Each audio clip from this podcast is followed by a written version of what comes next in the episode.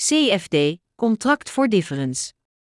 Experts en beginners die investeren in Contract for Differences, ook bekend onder de afkorting CFD, vinden het niet en een groot risico te lopen.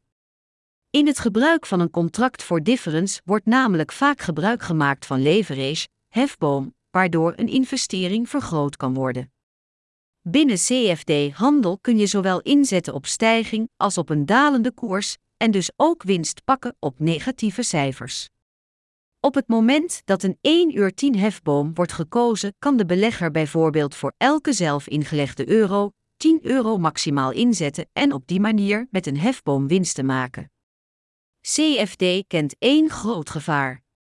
Dat is dat de koers dus niet overeenkomt met het contract en daarmee kan de trader of belegger zijn volledige inzet kwijtraken.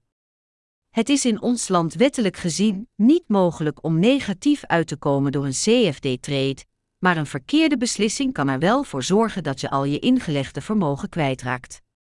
De CFD-handel, contract voor difference handel, kan je veel winst opleveren, maar mag ook als zeer risicovol worden beschouwd.